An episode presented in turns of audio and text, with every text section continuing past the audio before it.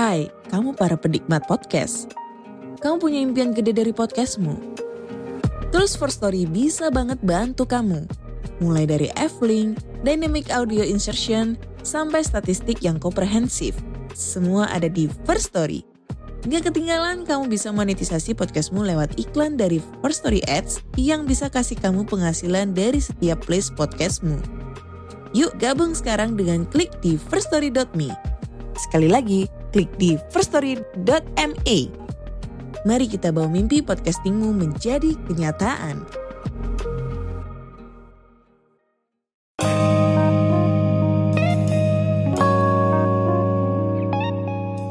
Yo guys, balik lagi bersama gue Randy Dan gue Vincent di Konspirasi Ngopi. Seruput lo kopinya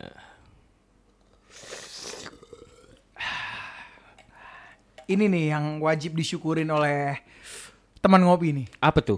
Kita tuh setiap episode kita Mhm. ngetek openingnya itu pasti selalu baru. Selalu beda ya Yes. Eh dulu inget gak sih lu kita kan pernah ngetek eh, episode itu Openingnya itu pakai bahasa Itali oh iya. Kita bikin aja kayak gitu lagi bre Jadi Bikin ntar ya. di episode yang beda-beda Beda-beda bahasa Boleh, Bahasa boleh. Jerman, bahasa Itali, bahasa Jawa Misalnya kita lagi bahas Nazi. Ya Kita pakai Jerman. Iya, Aktung gitu kan Iya. misalnya kan Atau apa Kita lagi bahas budaya Cina, kita pakai bahasa Cina. Bisa, Oh, bisa tapi nanti disangkain tidak nasionalis Anda. Enggak paham, enggak lah. Ini kan cuman buat variasi podcast doang. Buat variasi ya kali cuman ya. gara-gara gitu ditangkep gila, sensitif amat negara lu.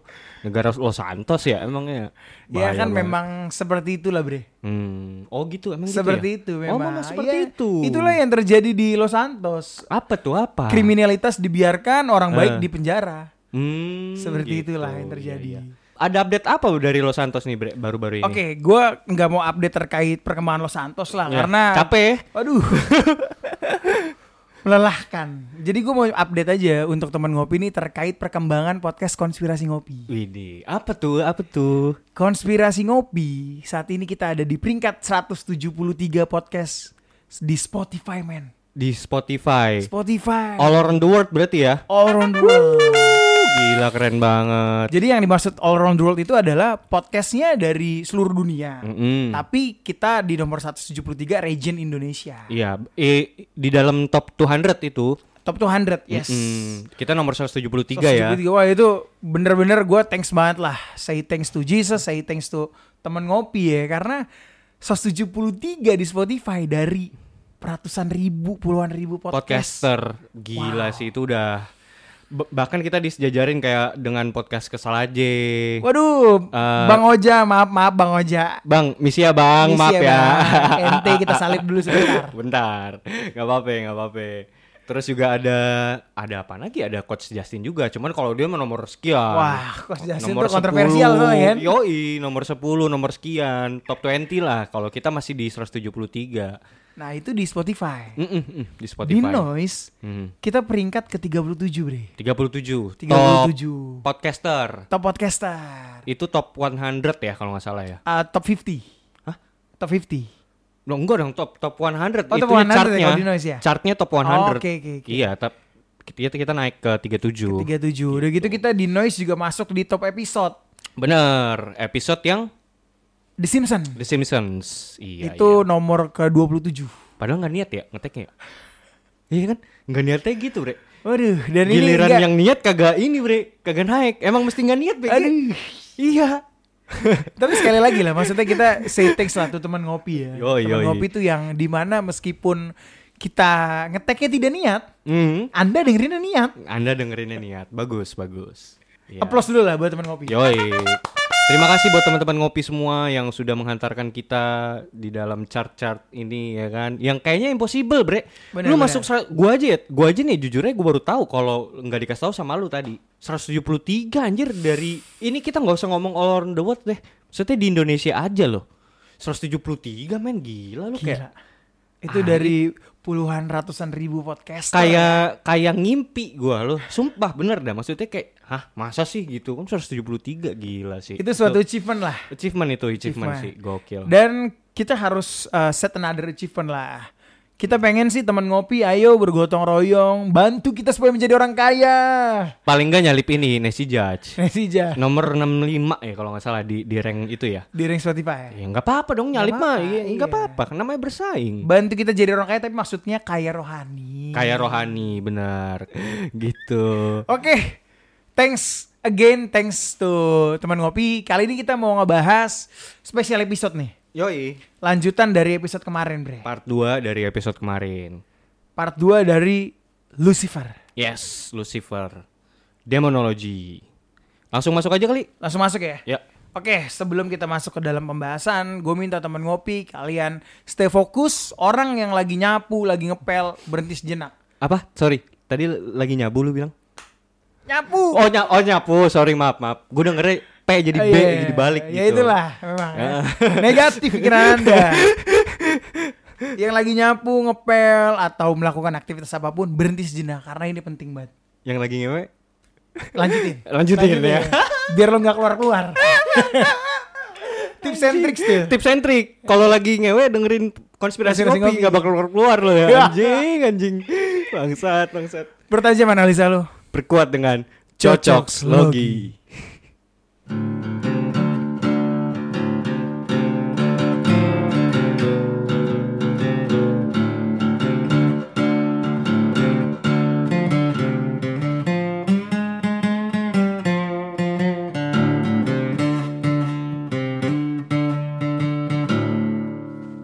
Oke bre, kita mau lanjutin episode kemarin yang Mhm. terkait Lucifer. Jadi Yes. kemarin kita sempat janji ke teman ngopi Mhm. bahwa kita akan menceritakan kisahnya Lucifer ini Mhm. saat dia berada dalam kerajaan Allah, Kerajaan surga. kerajaan surga. Oke, benar benar benar. Nah mungkin buat teman ngopi ya, buat teman ngopi yang non Kristiani gitu ya, yang saudara kita Muslim, Buddha dan sebagainya.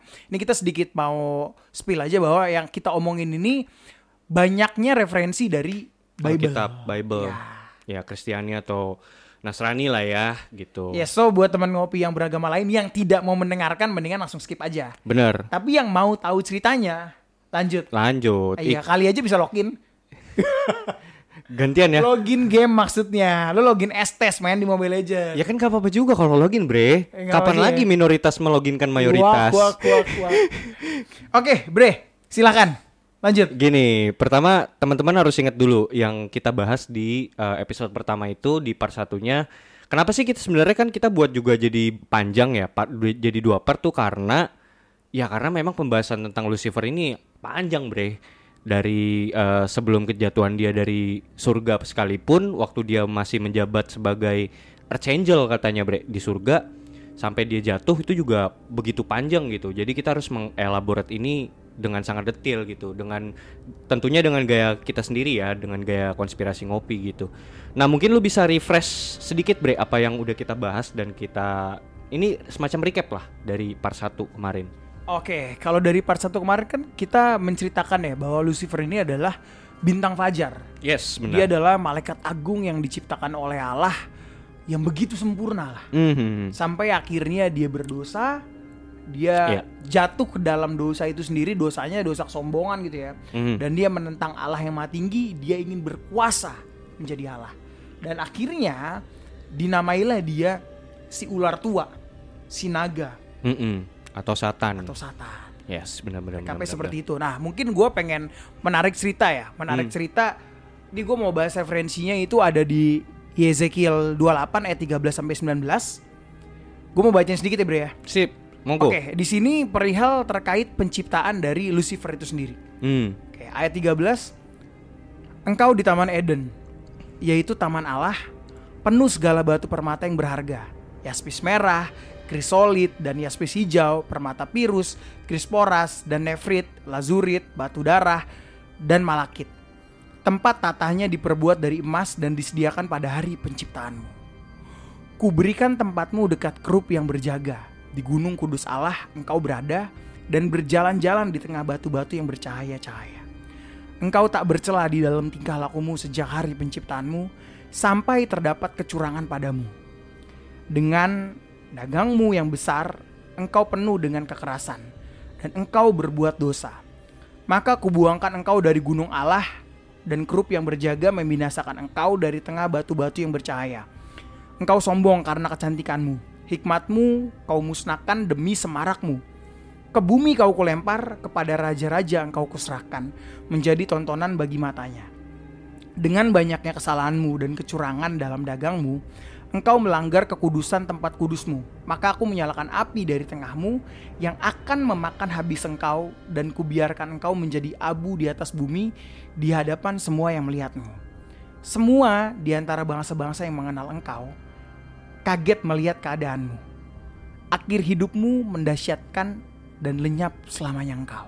Wow, gokil gokil. Ini ini sebenarnya eh, apa ya penjelasan deskriptif yang paling naratif yang paling deskriptif banget nih menurut gua tentang sosok Lucifer itu sendiri Oke. di dalam Yehezkiel tadi ya. Yes. Wah ini satu-satunya eh, literasi yang bener-bener spesifik banget dan detail bre ngejelasin keadaan dia sebelum dia jatuh itu gitu loh.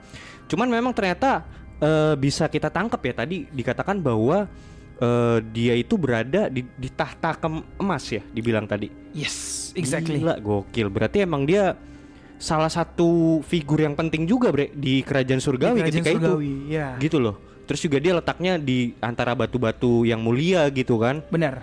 Dan ini kan bisa menunjukkan bahwa sebenarnya dia ini bukan makhluk yang diciptakan sembarangan gitu loh, Bre. Yes. Bukan ngasal gitu gitu loh Kan maksudnya. bahkan di state kan Hmm, di hmm. Ezekiel itu Iya, di yang iya. ayat 15 dijelaskan Aha. bahwa engkau tak bercela. Wow, Means you are perfect, Bro. perfect.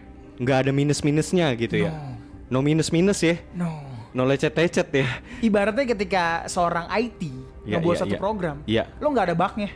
Oh iya. Nggak ada errornya. Nggak ada errornya, nggak ada bugnya. Iya iya bener nggak ada korupnya ya. Beda beda sama manusia tuh. Yes. Iya, gokil gokil. Wow, ini ya ini benar-benar satu-satunya literasi yang menggambarkan dan dengan sangat eksesif detail ya menggambarkan Lucifer ini. Tapi memang walaupun di situ juga nggak ditulisin itu tuh siapa gitu kan? Iya, Gitu. itu memang surat ini kan sebenarnya ditujukan untuk Raja Tirus gitu ya. Raja Tirus tapi dengan analogi dengan metafora tuh seakan-akan dia disamakan dengan Lucifer itu sendiri. Mm-mm, mm-mm, mm-mm. Yang yang sebenarnya kalau di dalam part 1 atau episode yang pertama tentang Lucifer sendiri kita udah bahas. Berarti kan paling tidak si Ezekiel menuliskan ini berdasarkan literasi yang sudah ada sebelumnya gitu loh, Bre. Benar. Bener kan? Benar. Dan ini tuh sebenarnya eh, penulisannya sama dengan literasi yang digunakan sama Yesaya juga, Bre. Dan FYI, Bre, ternyata Yehezkiel dan Yesaya itu hidup di masa yang kurang lebih sama. Sama-sama masanya Nebukadnezar. I see, I see. Gitu. Jadi ya punya sa- kesamaan budaya dan literasi aja mereka ini gitu. Oke, mungkin pembelajaran yang mereka pelajarin tuh Mm-mm. kurang lebih sama lah dari Yes. sumber yang sama. Dari sumber yang sama, yang which is uh, sebenarnya yang bakal nanti gue ungkapin rahasia-rahasia tentang entity yang bernama Lucifer ini atau Satan ini di dalam kitab-kitab Yahudi atau kitab Midras dan Talmud orang Yahudi Oke. kayak gitu. Nah, ini menarik Hmm. nih. Hmm. Let's talk about Lucifer ya, berdasarkan ayat Yezekiel tadi. Jadi Yes. gue imagine nih, Ya. imagine bahwa Tuhan ini menciptakan satu entitas yes, yang memang sempurna dari awal. benar. Let's say God create this creature gitu ya. Hmm, hmm. Diciptakan satu entitas ini yang Ya. sempurna Ya, yang bahkan tingkatnya itu nggak jauh dari Allah. memang. Dia berada dekat kerub. Iya, Nah, kerub itu kan dia kan yang mengangkat mahkotanya Allah kan. tahta, Yes, tatanya tahta, Allah. tahta, benar. Dia mengangkat tatanya Allah dan Lucifer tuh nggak jauh dari situ. Berarti kan uh, secara nggak langsung dia deket banget sama tahtanya Tuhan gitu loh. Yes. Iya kan? Yes. Gila, gila, gila, gila. Dia begitu sempurna, begitu agung. Bahkan Tuhan tuh mungkin melihat kayak wah ciptaan ciptaannya Tuhan nih indah banget. Bahkan di situ disebutkan bahwa dia tuh cantik menawan gitu, Bro. Iya, iya. Dan tidak bercela ya. Tidak Satu-satunya kayak seolah-olah tuh dia udah kesayangan, Bre. Udah kayak anak kesayangan aja gitu. Benar. Gitu. Ini anak kesayangan banget dia ini the special one gitu. Gitu. Ya mungkin dari situ juga timbul suatu kesombongan itu sendiri. Kesombongan. Gitu loh. Terus lanjut? Iya. Sekarang imagine lo ya gitu ya. Hmm. Misalnya gue deh, gue Hmm, ngeliat Gal Gadot gitu ya. Yeah, yeah. Pevita Pierce lakuin di Indonesia. Hmm, Anjing cantik banget men. Hmm, hmm. Gitu kan. Gue aja melihat mereka yang masih manusia tuh udah ter- terpikat, terpukau gitu. Oh. Gimana lu bisa ngeliat si Lucifer ini pada saat itu? Mungkin lu akan kayak ngerasa wow. Wow, amazed banget gitu ya.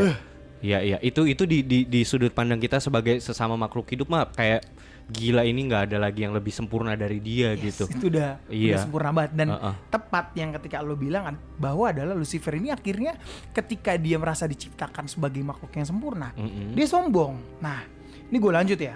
Jadi di sini ada apa namanya buku yang berjudul Doctrine of the Satan itu karangannya Dr. Wilmington. Hmm. Nah, di situ dikatakan bahwa Lucifer tuh begitu sombong. Mm-mm. Jadi dosanya Lucifer karena kesempurnaannya itu itu adalah kesombongan, men. Iya pride Pride, pride kesombongan. Kesombongan. Nah, ini gue bacain dari ayat Yesaya ya. Yesaya 14 ayat 13 sampai 14. Mhm. Engkau yang tadi berkata dalam hatimu, aku hendak naik ke langit. Aku hendak mendirikan tataku mengatasi bintang-bintang Allah. Hmm. dan aku hendak duduk di atas bukit pertemuan jauh di sebelah utara. Aku hendak naik mengatasi ketinggian awan-awan, hendak menyamai yang maha tinggi. Gokil, gokil, gokil sih.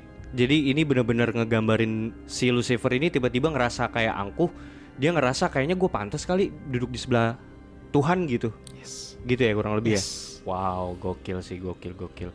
Ini di dalam kitab Yesaya itu sendiri ya. Di dalam kitab Yesaya. Dan FYI buat temen-temen sebenarnya satu-satunya kata yang menuliskan tentang Lucifer itu sendiri cuman ada di di, di sini nih di kitab Yesaya kitab ini. Yesaya. Ah, ah, di versi Latinnya, bahasa Latinnya. Itu Dan versi KJV kan.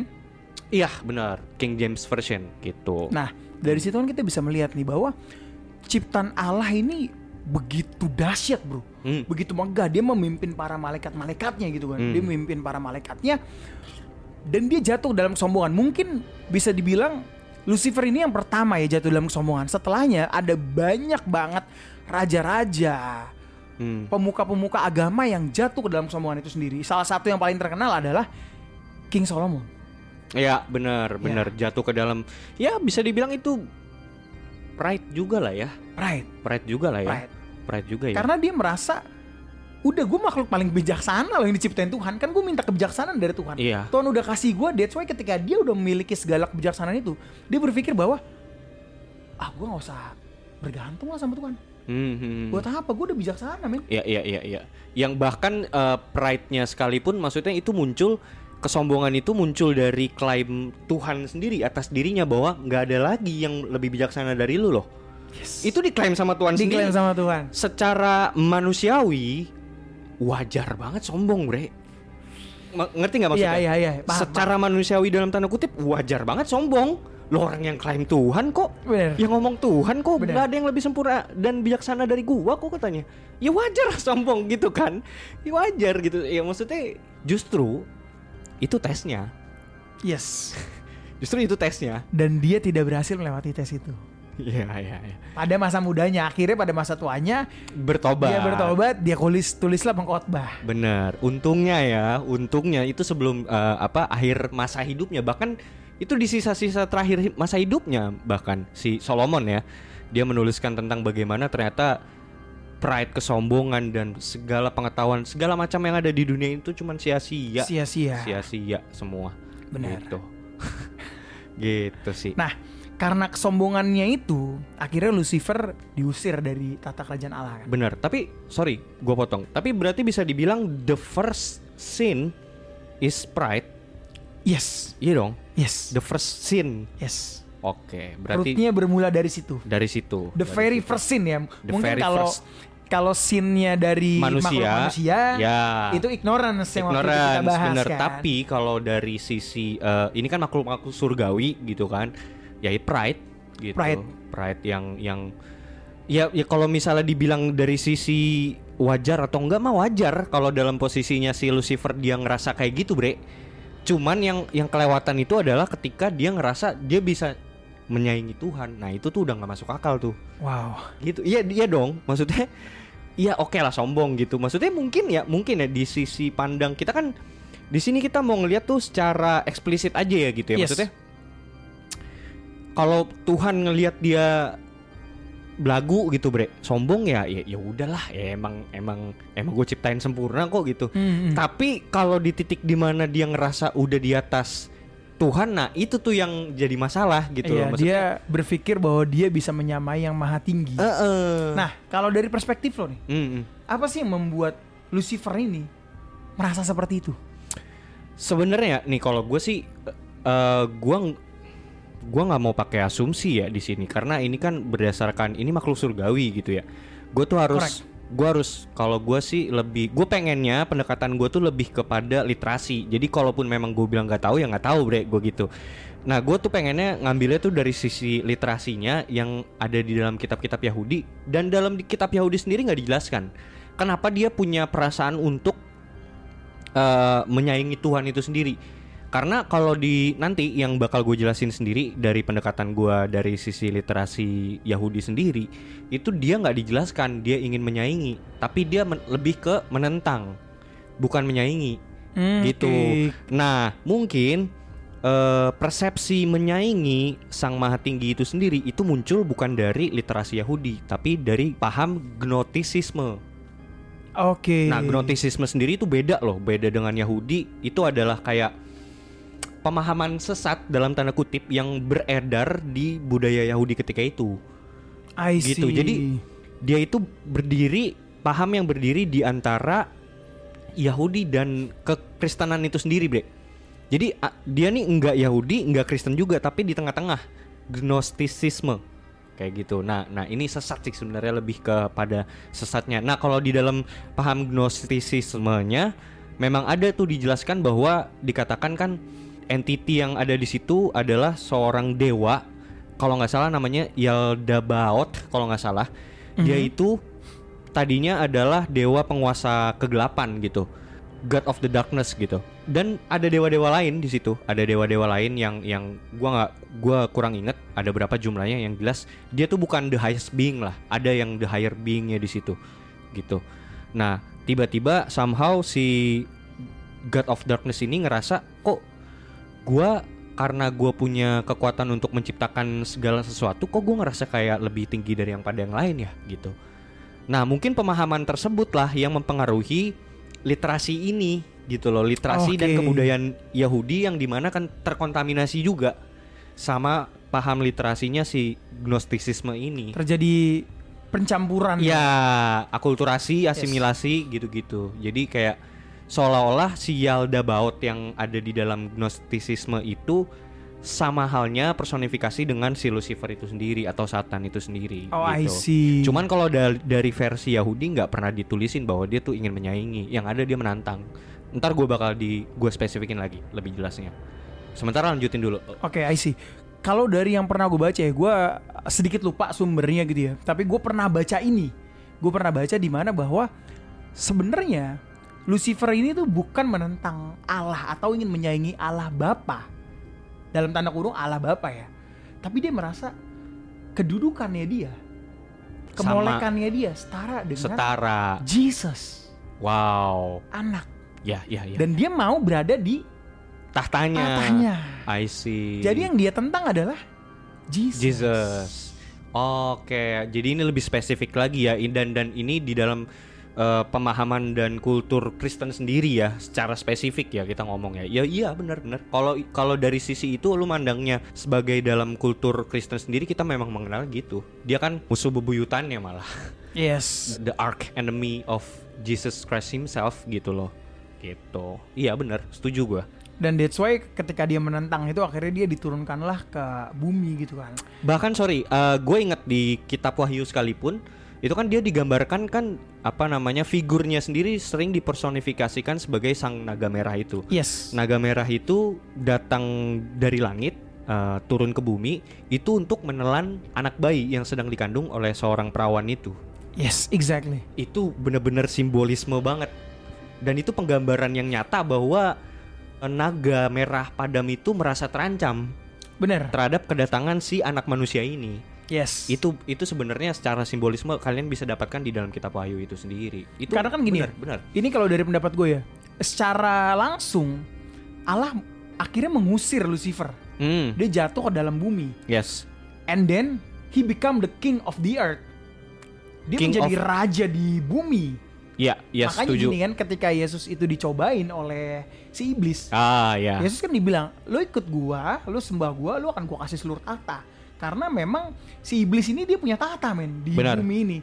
But Jesus came and conquer all. Ya, Yesus ya, ya. datang dan menaklukkan semuanya sampai si Lucifer itu sudah tidak lagi menjadi raja dunia. diklaim, direbut kembali yang tadinya kuasa itu terhadap dunia ini adalah kuasanya si Lucifer. Yes. Gitu. Bisa dikatakan he is the ruler lah. Yes. Satan and Lucifer is the ruler of the earth himself gitu. Dan di mana uh, Jesus datang itu sebagai savior untuk merebut kembali untuk merebut kembali kuasa dari dunia ini gitu. dengan kasih, dengan Setuju. darahnya. Wow. Setuju banget, setuju banget. Oke, ada lagi bre? Uh, dari gue segitu sih mungkin. Kalau dari pembahasan secara biblical ya. Biblical, oke oke. Nah, oke. Nah sekarang kita coba masuk di dalam eh, cerita rakyat dan tradisi mistik orang-orang Yahudi yang di mana ini disclaimer dulu ya, ini tidak berasal dari kanon Kristen atau Katolik. Jadi ini benar-benar real lebih kuno lagi bahkan ditarik mundur ke zaman nabi-nabi malah kayak gitu. Jadi ini zaman di literasi Yahudi yang beredar di kebudayaan Yahudi itu sendiri gitu.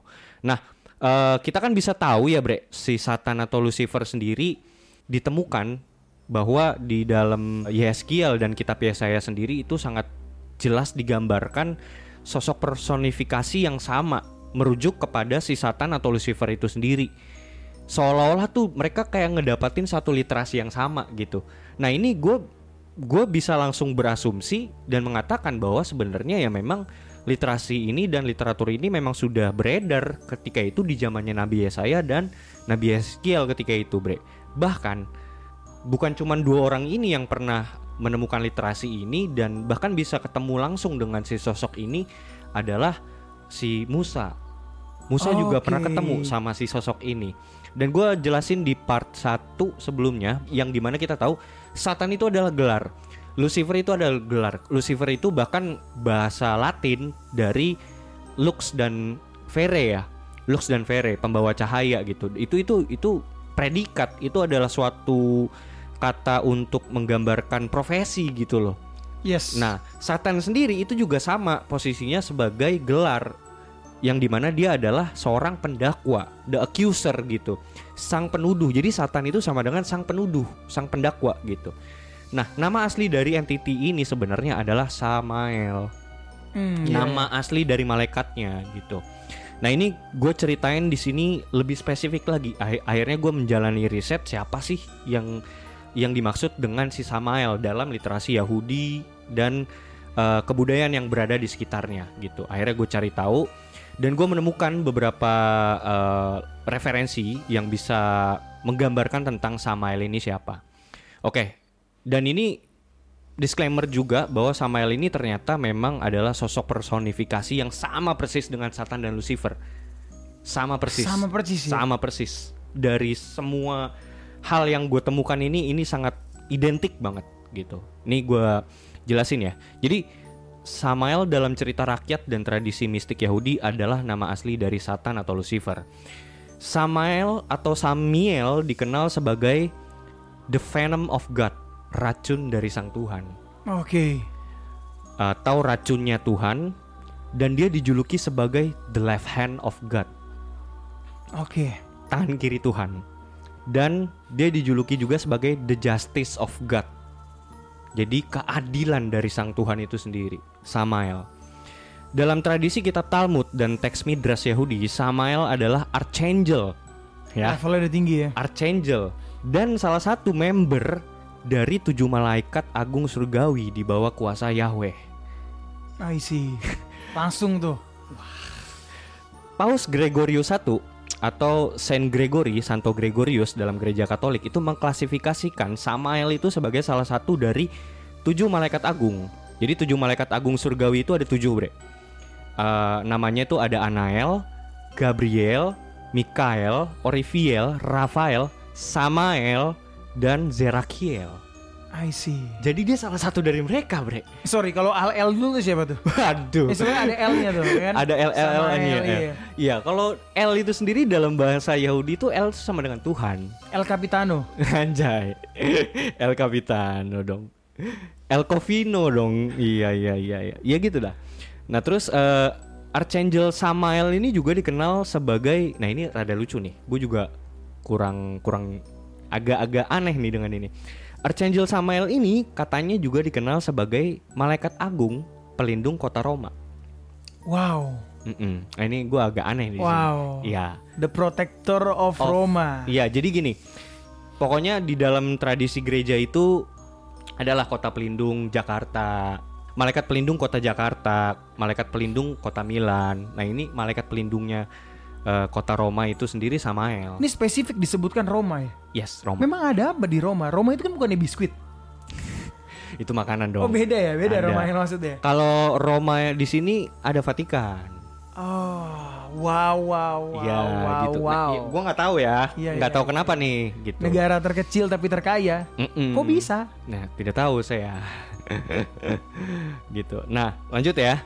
Terus dalam kitab Ibrani sendiri, Samael itu disebut sebagai malaikat penghancur. Dalam bahasa Ibraninya dia disebut Malak Hamashit dan juga dikenal sebagai Mashit atau penghancur. Uh, spoilers atau ravagers. Dia adalah entitas yang diutus oleh Yahweh pada beberapa kesempatan untuk membunuh musuh-musuh orang Ibrani.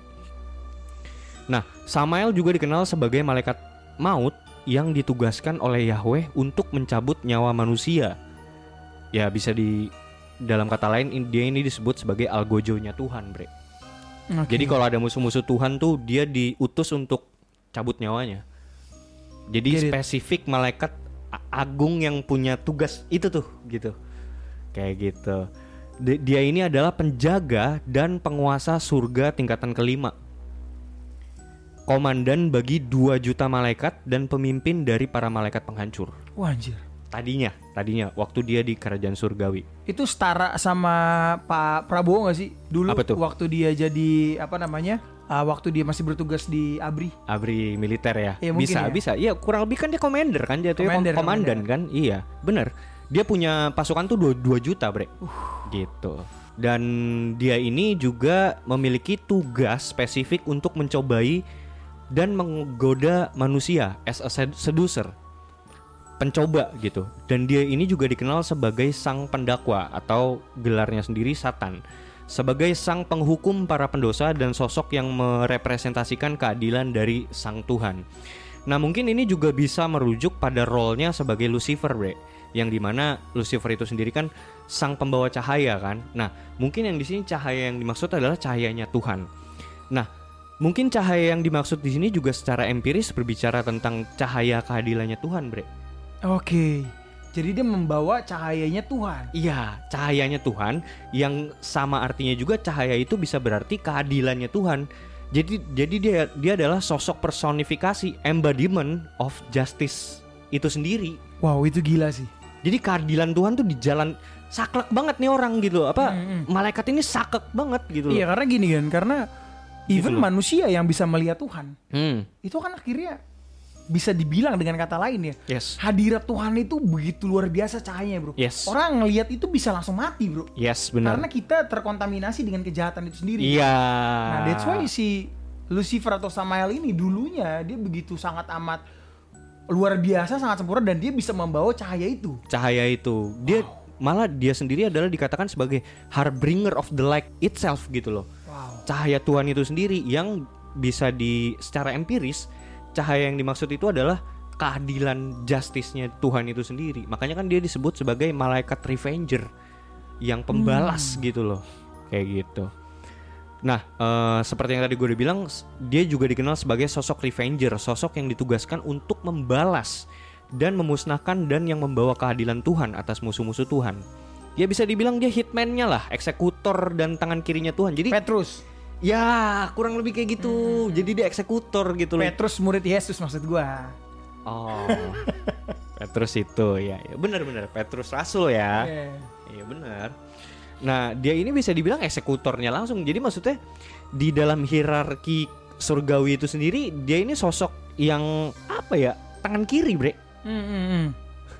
Penembak misterius. ya ya bisa dibilang Petrus. kayak gitu Iya. Bad cop, bad cop. bad cop benar dia itu bad copnya gitu ya kan maksudnya kan kalau kayak ada uh, tugas spesifik untuk messenger itu kan ada, udah ada Gabriel gitu kan Benar. dan sosok dari good copnya yang Mikael Hmm. ya kan gitu Get it, kan get it. nah dia kebagian bad copnya yang which is sebenarnya kan gini kalau dalam ranah rohani itu sendiri spiritualisme sendiri gimana ya bre dia kan entity yang diciptakan memang udah tugasnya itu Benar. gitu kan jadi apa ya eh, konsep tentang baik dan jahat itu kan udah hak prerogatifnya Tuhan gitu loh Benar. Bener gak Bre? Bener, Jadi bisa bahkan bisa dikatakan dia dia sendiri adalah servant of God juga kan, hambanya Tuhan juga gitu loh. Korek. Dia di bawah kuasanya Tuhan gitu loh. Jadi bukan masalah di sini baik atau jahat, tapi ini demi the greater good gitu loh. Iya, iya. Ya karena gini, mungkin eh, banyak literasi-literasi yang diajarkan oleh dunia, bahkan diajarkan sendiri oleh pemuka-pemuka agama, Allah itu kasih. Yes. God is love dan Yes. itu benar. Benar, itu kasih. setuju. Tapi selain kasih, sifat Allah itu ada beberapa spesifikasi lagi. Banyak. Seperti Allah itu kudus. Kudus. Allah itu kudus loh. That's why ketika lu berdosa, lu nggak bisa langsung direct to Allah. That's why Jesus datang untuk menetralkan lu nih untuk lu Yes. biar bisa masuk dalam kehadirat Allah gitu kan. Nah, terkadang orang-orang tuh lupa, orang-orang lupa bahwa Allah itu kudus. Ya. Nah, jadi yang, yang seperti yang tadi lu, lu bilang mungkin dari literasi itu dikatakan bahwa adalah si Lucifer ini adalah membawa terangnya Allah dan dia men- menjustifikasi perbuatan orang gitu kan. Mm-mm. Menjudge perbuatan orang Yes. lalu revenge lah, take revenge. yang yang porsi ngejudge itu Tuhan. Oke. Dia eksekutor. eksekutor ya. Beda loh ya. Ya, Ah, ya, ah, oke. gitu. Nah, that's why ketika banyak orang yang bilang, "Loh, Allah itu kan kasih. Allah itu kasih. Allah tidak seharusnya menghukum." Nah, kalian harus balik lagi ke perjanjian lama. Coba lihat saat kejadian di Nuh ya. Saat kejadian banjir bandang dan sebagainya. Bener, Allah itu kasih. God is love. Tapi Allah itu juga kudus. Yes. That's why ketika Anda melakukan perbuatan tidak kudus, itu sama aja Allah- Anda tidak mencintai Allah. Hmm. Gitu loh. That's why ada hukumannya. Ya ya ya setuju Gitu setuju bener makanya ada salah satu spesifik malaikat ini yang punya role itu buat Yes. ngejalanin revenge-nya Tuhan itu sendiri bahwa keadilan Tuhan tuh harus juga ditegakkan gitu loh. Benar. Nah, sosok ini tadinya bre sosok Lucifer ini itu ya? loh gitu iya yang nama aslinya sebagai Samael gitu loh. Nah menurut Davidson Gustav pada tahun 1971 dalam bukunya yang berjudul A Dictionary of Angels including the Fallen Angels disebutkan dalam kitab Henok bahwa Samael merupakan salah satu chief atau pemimpin dari 200 malaikat pemberontak yang turun ke bumi untuk mengawini anak-anak wanita manusia. Dan di sini juga Davidson Gustav mengidentifikasikan sosok Samael ini dengan sosok Samyaza sebagai the leader of the Watchers kayak gitu. Oke, jadi satu entitas sebenarnya. Nah, gue juga nggak tahu tuh, gue nggak ngerti. Ini kan menurut si Davidson Iya, iya. Gustav gitu kan. Karena kalau memang ternyata satu entity akan menimbulkan paradoks yang berbeda nih. Nggak karena seperti ini sih, Bre. Hmm, Apa namanya? hmm, kalau dari Bible sendiri itu kan tidak dikenal lah pemimpin-pemimpin malaikat-malaikat yang Yes. jatuh selain dari Lucifer ini kan. That's why menurut gua ini kalau based on Bible ya. Ini based, based on Bible or or ada literasi lain yang misalnya kayak kitab Henok gitu. enggak, enggak, based on Bible. Bible aja ya, udah eksklusif Bible aja, oke. Yes, kalau dari based on Bible sendiri, entitas tertinggi yang nanti akan dihancurkan oleh Allah Hmm, yaitu Lucifer. Satan, Satan, Satan, iya. Sat- Satan aja Satan gitu, Iya, iya. yang kita kenal Satan gitu, yang di mana ternyata yang kita ketahui ternyata Satan itu sendiri cuman gelar bahkan Yes. kayak gitu, yang ternyata di sini nama aslinya tuh Samiel gitu. Nah, bahkan bre, bahkan nih di dalam Testament of Solomon, di dalam kitabnya Solomon tentang 72 Sigils of Solomon itu sendiri, Samael juga adalah salah satu entity demon yang disummon oleh Solomon lewat kekuatan cincinnya, bre. Wow. Ada bre ternyata bre. Yang di dalam teksnya dikatakan bahwa Solomon melafalkan suatu puji-pujian atau mazmur dengan paragraf-paragraf panjang kepada entitas Samael ini untuk mengulur dan mengsumon demon Samael ini gitu. Karena dia tahu Samael tuh kelemahannya pride. Hmm, I see. Jadi dibuat puji-pujian Mazmur gitu dari Solomon itu sendiri buat mancing dia keluar. Gitu. Tapi paling tidak itu udah musrik kan? iyalah, Iya kan? iya. Iya tuh, iya. makanya bisa dibilang kan sebenarnya jatuh ke dalam dosa juga kan si Iya, Solomon ini benar-benar. gitu. Gitu sih Bre. Lanjut ya. Nah terus ini secara spesifik yang lebih spesifik lagi dalam kitab Ibrani, Talmud dan Midras. Dalam literatur Talmud dan Midras Yahudi, ia juga dikenal sebagai sosok yang paling loyal, paling tegas dan paling saklek yang tadi kayak Gedo bilang. Dalam menjalankan misi dan perintahnya dari Tuhan. Samael ini dikenal sebagai entitas yang tidak segan-segan membunuh dan memusnahkan targetnya dalam menjalankan misinya demi menegakkan keadilan sang Tuhan itu sendiri. Makanya kan gue bisa bilang tadi dia ini bisa merujuk pada kata Lucifer itu sendiri atau sang bintang fajar yang dimaksudkan oleh Nabi Yesaya yang di mana Lucifer itu adalah cahaya atau keadilan Tuhan itu sendiri gitu. Nah dalam Exodus Rabah literatur Midras Rabi-Rabi Yahudi jadi ada suatu dalam pengadilan surgawi, ada suatu pengadilan surgawi atau heavenly court. Samael ini digambarkan sebagai sosok sang penuduh atau sang pendakwa. Sementara Mikael berdiri sebagai sang pembela. Jadi kalau Oh, misalnya ada suatu court, heavenly court atau pengadilan surgawi, dia itu sosoknya sebagai pendakwa Hmm, gitu. Nah si, si Mikael tuh berdiri as a lawyer, pembela I see, I see. Gitu. Nah, di sini Samael itu diidentifikasikan sebagai Satan himself.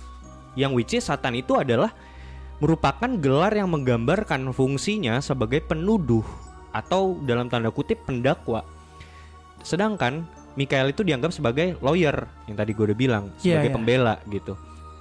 Nah, gelar Satan ini juga diterapkan padanya dalam Midras Pirkei de Rabbi Eliezer di mana dia adalah sosok pemimpin dari para malaikat yang jatuh yang memiliki wujud sebagai serafim bersayap 12.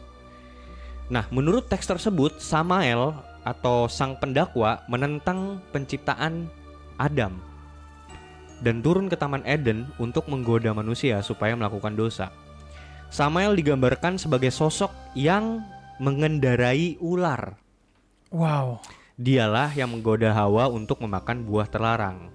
Jadi perannya di sini tuh mungkin mirip dengan gagasan Islam ya Hmm. tentang iblis yang menolak bersujud di hadapan Adam karena diciptakan dan berasal dari api.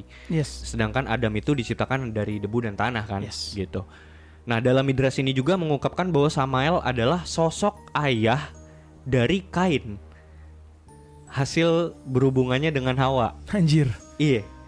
Dan ini menjelaskan kenapa si Kain itu disebut sebagai anak dari hutang, Bre. Seperti yang pernah gue jelasin di episode Brothers of Snake sendiri. Nah, mungkin ya, mungkin ya. Ini ini walaupun nggak ditulis secara spesifik ya, tapi gue di sini jadi dapat benang merah ke Kitab Wahyu nih Oke. tentang kejadian pemberontakan di langit dan peperangan di sorga yang ada dalam penglihatan John Patmos itu dalam Kitab Wahyu terjadi setelah Heavenly Court ini nih. Setelah pengadilan itu. Iya, jadi ketika Tuhan menciptakan manusia, menciptakan Adam, di situ si pendakwa, si Mhm. accuser, si Samael itu berdiri sebagai pendakwa. Wah nggak bisa nih, gua nggak setuju nih diciptakan manusia bla bla bla kayak gitu. Mikael sebagai si pembela di sini, pembela si Mhm. manusia itu dalam heavenly court itu. Maka terjadilah suatu perpecahan di sini, fraksi gitu loh. Sebuah perpecahan Ya kan pada akhirnya kan yang versus di situ adalah pasukannya Mi- Mikael kan Yes. dan pasukannya Samael Yes. yang punya pasukan 2 juta itu. Jadi bener-bener perpecahan Iya. kayak gitu. Dan akhirnya kalah kan mereka. kalah, kalah. Dia kalah dan kan dikatakan tadi gue menjelaskan ya di dalam teks Midras ini juga dikatakan bahwa pas dia tuh masih menjabat sebagai malaikat agung itu dia itu penguasa penghuni surga tingkatan kelima. Yang tadi seperti gue bilang setelah Tuhan menciptakan Ad- Adam di pengadilan surgawi si Samael menentang penciptaan Adam. Maka dari sini terjadi pecah perang dan pemberontakan di pengadilan surgawi antara pasukannya Mikael versus pasukannya Samael yang berujung pada kekalahan Samael dan mengakibatkan Samael dilemparkan oleh Tuhan ke tingkatan surga yang paling bawah yaitu surga ketujuh Hmm, Oke. dalam tanda kutip Taman Eden. Taman Eden bukan bumi loh, Iya. ya kan? Jadi yang tadinya dia tingkatan 5, dia ruler of penguasa surga tingkat 5 diturunin ke tingkatan ketujuh. Nah, semenjak kejadian pengusiran dari Taman Eden setelah kejadian Taman Eden, barulah dia kemudian menyandang gelar Satan itu sendiri dan disebut sebagai pemimpin dari para setan. Setelah kejadian di Taman Eden ya. Setelah kejadian Taman Eden atau mungkin ya mungkin setelah dia dilemparkan dari tingkatan kelima dia dikatakan sebagai Satan juga mungkin. Karena itu kan kayak udah nempel aja gitu loh gelar itu, Bre. Iya iya iya. Jadi bukan dia nggak dikenal lagi sebagai Samael, Samael tuh dulu dia dikenal sebagai Satan gitu. Tapi menurut lo Taman Eden tuh di bumi tempatnya Mhm. atau enggak? Karena ada beberapa ada banyak literasi ya yang mengatakan bahwa Taman Eden tuh sebenarnya di bumi, tapi ketika manusia berbuat jahat atau sebagainya, Mhm. Taman Eden tuh dipisahkan aja dari Iya, iya. bumi. Eh, gua sih Apakah harus ada di sorry, apakah ada di Antartika? Waduh. Konspirasi Odeon. bumi datar masuk bumi datar. Bumi datar masuk bumi datar. Kalau gue sih berdasarkan literasi kitab aja ya, maksudnya di ki- kitab kejadian sendiri dikatakan bahwa itu bukan gue nggak bisa bilang ini suatu kondisi tempat yang fisik ya, karena di mana di situ sebenarnya ma- manusia diciptakan waktu itu eternal posisinya Oke. kayak gitu. Sebelum dia mengambil buah yang pohon pengetahuan itu baik dan buruk itu, itu bisa gue bilang itu bukan bumi gitu Oke, kalau menurut lo entah itu bukan entah, bumi ya? Iya, entah Eden dipisahkan atau bagaimana caranya intinya itu bukan bumi yang kita tinggali sekarang kayak gitu. Malah bumi yang kita tinggali sekarang adalah the lesser version of Eden itu sendiri. Oke. Kayak gitu. Gitu sih, Bre. Iya. Hmm. Gue mungkin mau meng-highlight tadi yang lo bilang bahwa terjadi peperangan gitu ya. Iya. Terjadi peperangan di surga Hmm. antara malaikat Mikael Mhm. against Lucifer ini. Iya. Nah, nah ini ada banyak versi juga Hmm. dari kalangan orang Kristen lah. Ya. Banyak orang Kristen tuh mengatakan bahwa Yesus itu malaikat Mikael. Nah, itu kocak tuh. Banyak orang yang mengatakan seperti Lu itu. tau ya. nggak li- itu dari mana sumbernya? Dari mana? Literasi apa? Mormon. Oh, I see. Ya kan? I see, I see. Jadi itu dari Mormon ya. Kalau gue pribadi enggak. Kalau gue tidak tidak setuju bahwa Ya, Yesus ya, itu malaikat Mikael gitu ya. Tapi ada banyak literasi yang mengatakan bahwa Jesus is uh, an archangel Michael gitu lah. Yang dia bertarung melawan si Lucifer dan Lucifer itu kalah Mm-mm. gitu. Makanya sebenarnya ya kita juga sebagai orang beriman ya khususnya orang yang punya uh, iman Kristen itu harus cross check bre, harus sering cross check di dalam Alkitab itu sendiri gitu maksudnya.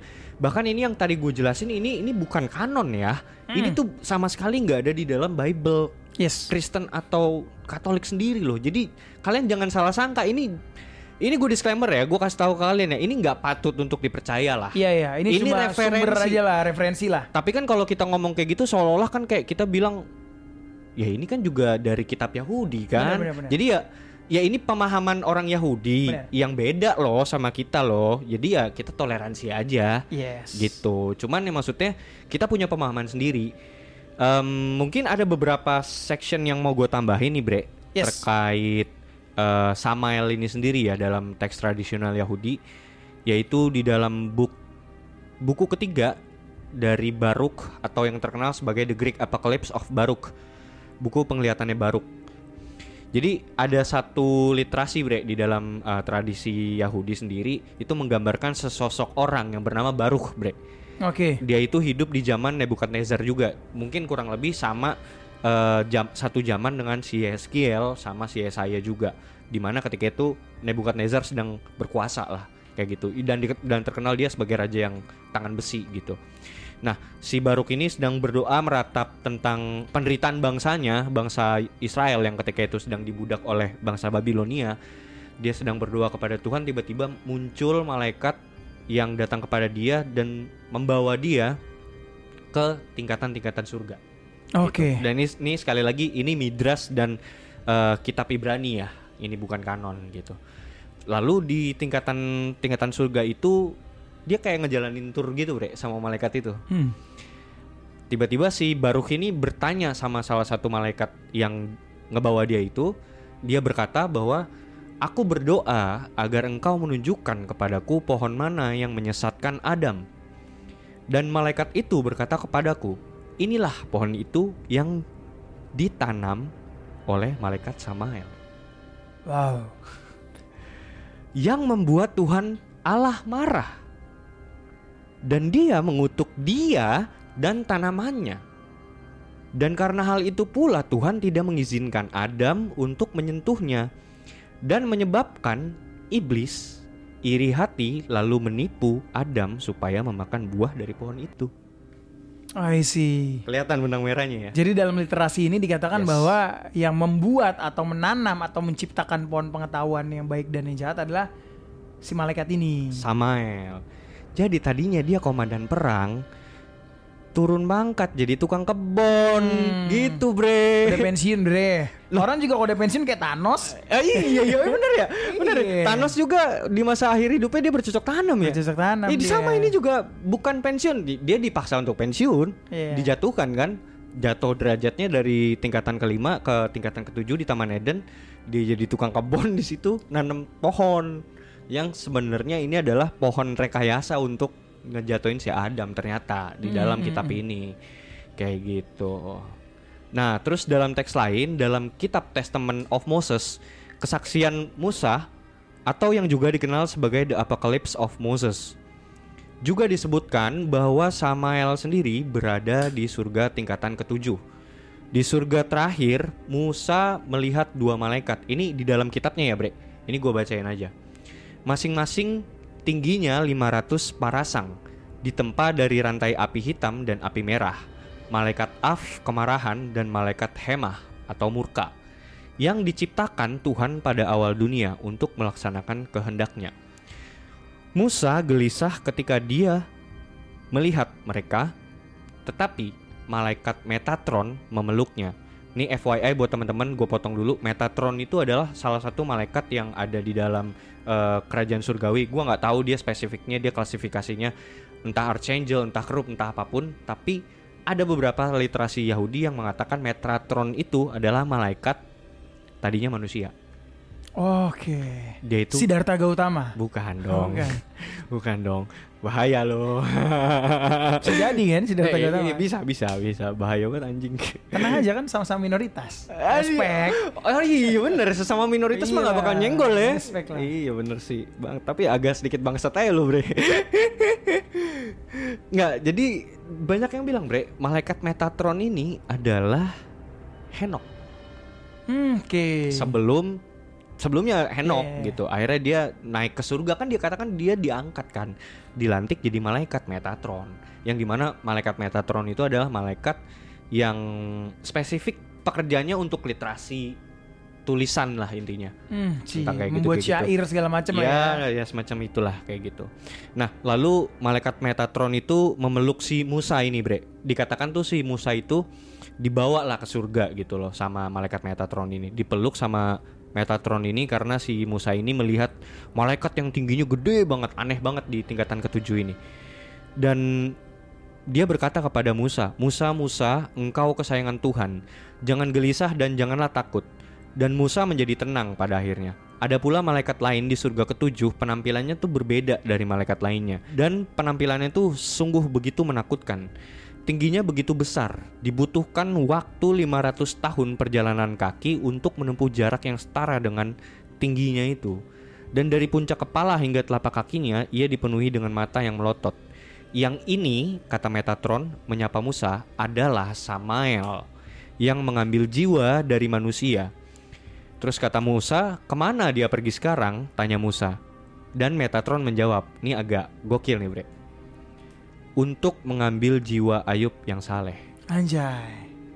Kemudian Musa berdoa kepada Tuhan dengan kata-kata ini, Ya semoga engkau menghendaki Tuhan dan Tuhan nenek moyangku jangan biarkan aku jatuh ke tangan malaikat ini. Nah jadi paling tidak dalam menurut tradisi literasi Yahudi ini, Samael ini diyakini sebagai sosok yang sama dengan sosok Satan sebagaimana yang disebutkan dalam kisah Nabi Ayub. Oke oke. Bagaimana ketika Satan tuh sedang berjalan-jalan mengelilingi bumi, dipanggil oleh Tuhan dan diperintahkan untuk mencobai hambanya, Ayub yang saleh. Tapi di situ Tuhan menegaskan kepada Satan untuk tidak mengambil nyawanya Ayub. Sorry, itu mungkin bukan disuruh atau diperintahkan untuk mencobai. Tapi lebih tepatnya adalah si Satan ini bilang sama Tuhan, dia tuh taat sama lo, Hmm. cuma karena itu doang. Jadi cuma karena lo berkatin. Coba deh, sekarang gue cobain dia. Jadi itu atas requestnya dari si Satan itu Oke, sendiri. jadi berarti ini requestnya dari Satan itu sendiri ya. Yes. Yang which is sebenarnya itu memang udah profesinya dia. Benar. Yang di mana kan Samuel aja di, dikatakan sebagai sed- seducer, bre. Hmm, hmm. Seducer, penggoda, pencoba, tempter, pendakwa. Yes. Eh, emang job desk-nya itu anjir gitu Bahkan loh. saat Yesus pun dicobain oleh dia gitu kan.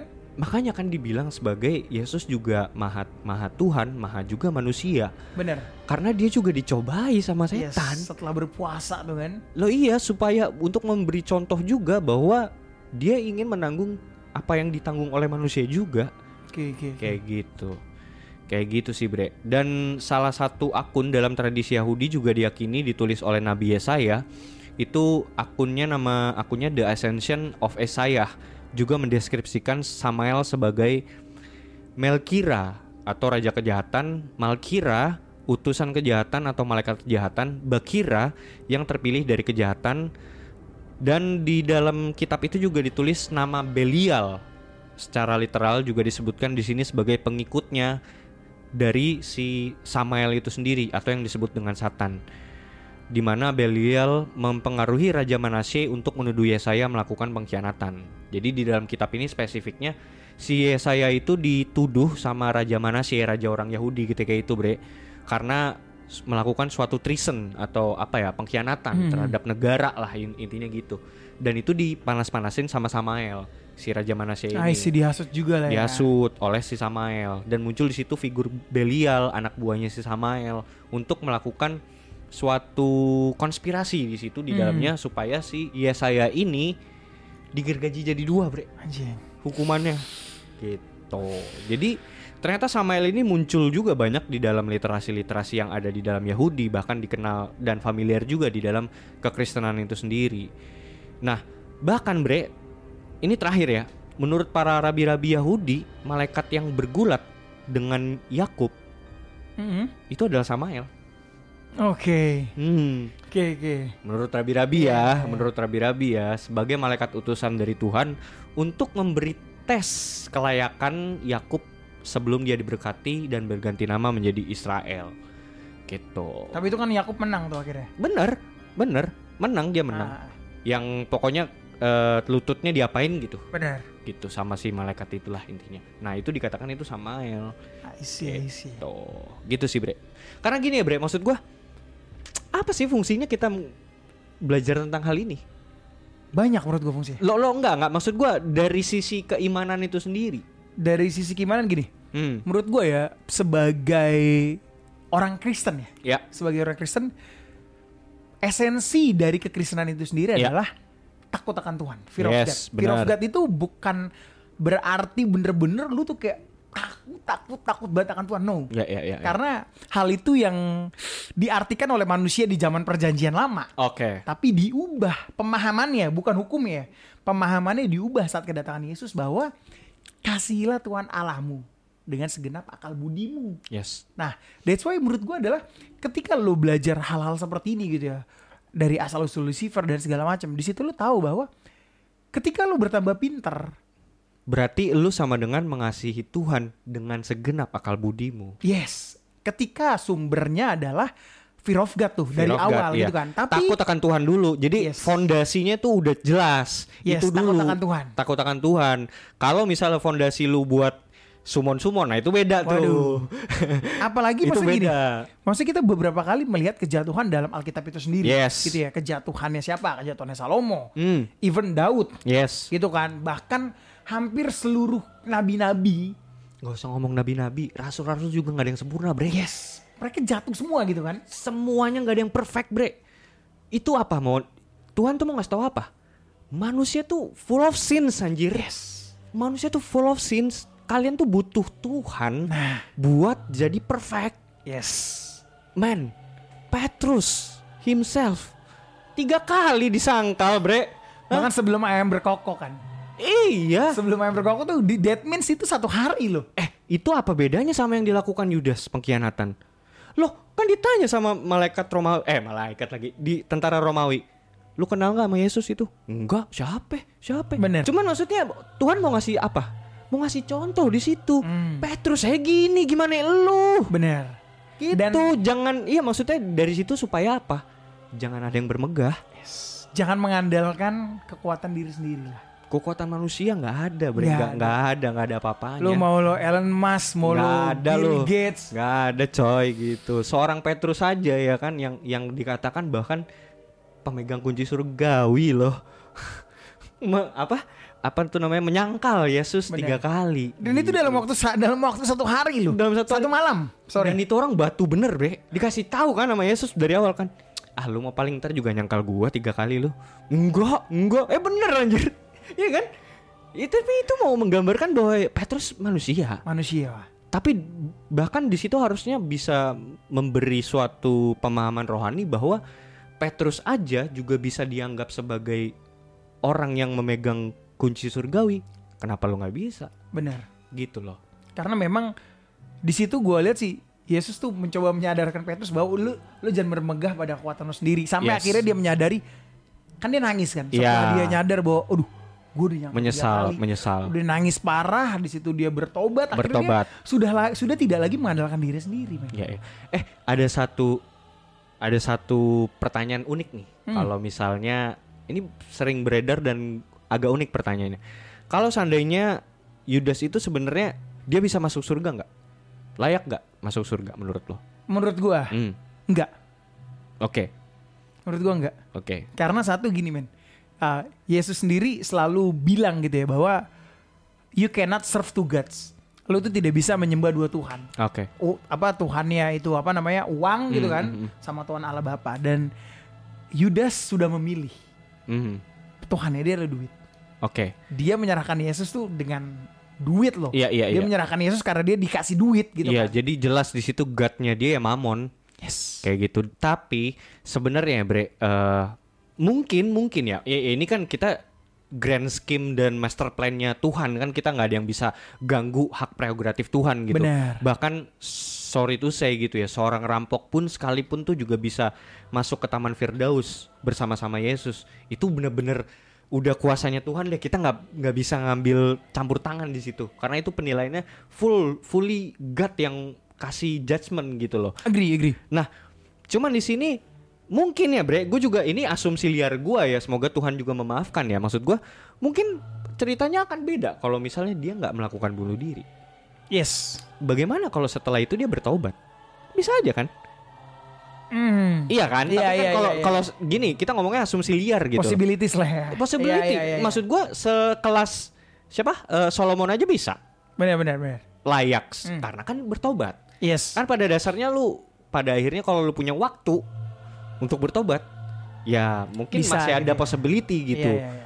Cuman sayangnya dia melakukan bunuh diri. Jadi kayak udah nyerah aja bre, udah nyerah di tengah jalan gitu. Bener-bener. Padahal dia mungkin punya possibility atau mungkin itu juga udah jadi grand scheme-nya Jesus itu sendiri kan. Iya, karena kan disebutkan juga bahwa terkutuklah bahkan Hmm. sampai kata kutuk loh. Hmm. Terkutuklah orang yang menyerahkan si anak domba.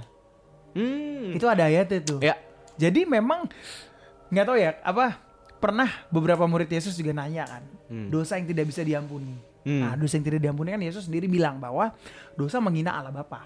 Itu dalam Alkitab jelas tertulis bahwa itu nggak bisa diampunin gitu loh menghina Allah Bapa mungkin lu menghina anak berarti kan dalam tanda kutip ketika lo bertobat lu mungkin bisa diampuni tapi ketika lo udah menghina Bapa itu udah tidak diampuni tuh Lebih spesifiknya lagi malah menghina roh itu sendiri, Yes. roh.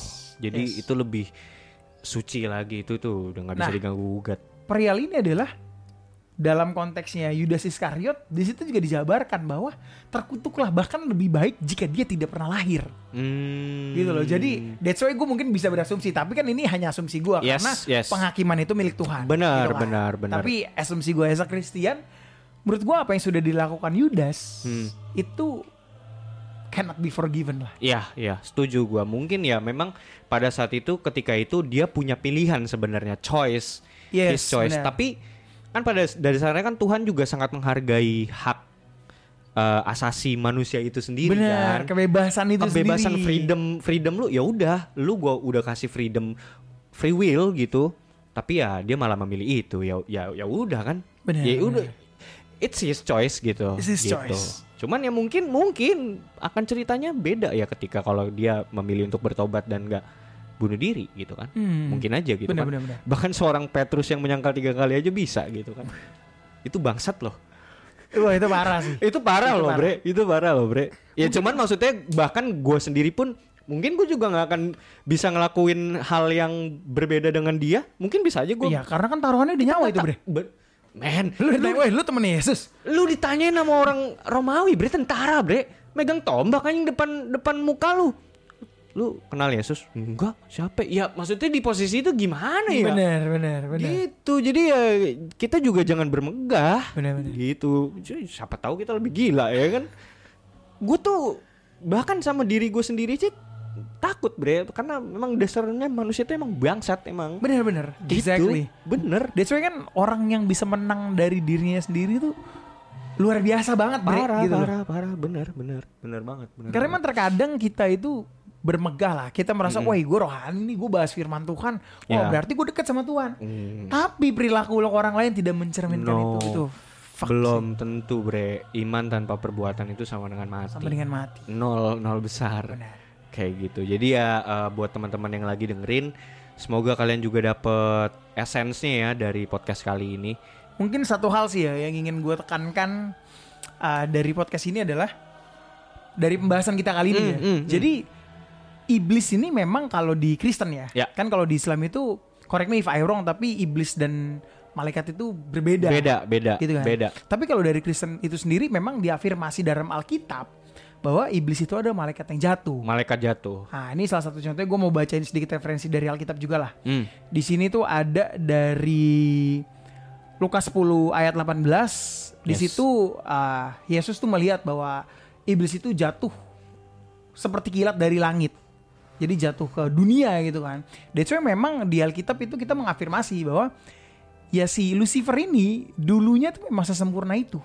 Gitu. Sampai akhirnya dia menjadi iblis. Yes. Menjadi satan. menjadi demon Menjadi demon. yang tadinya malaikat agung jatuh jadi tukang kebun terus jadi demon Nah, gitu Jadi untuk teman ngopi nih khususnya yang beragama Kristen gitu ya. ya Jangan sampai iman kalian yang tadinya kuat yes dan kalian bermegah karena iman kalian. ya ya ya Akhirnya malah turun karena kalian dilihat bukan dari awalnya tapi dari akhir kehidupan kalian. Yes, benar. Jadi progres ya, iman itu berprogres. Berprogres, gitu. bertumbuh. Bertumbuh, benar. Dan berbuah. Yang paling penting buah sebenarnya. Kalau bertumbuh doang nggak ada buahnya percuma. Dibakar juga pada Iya, akhirnya. dibuang juga. Dibuang juga. Gitu. Konspirasi ngopi. Seruput dulu kopinya.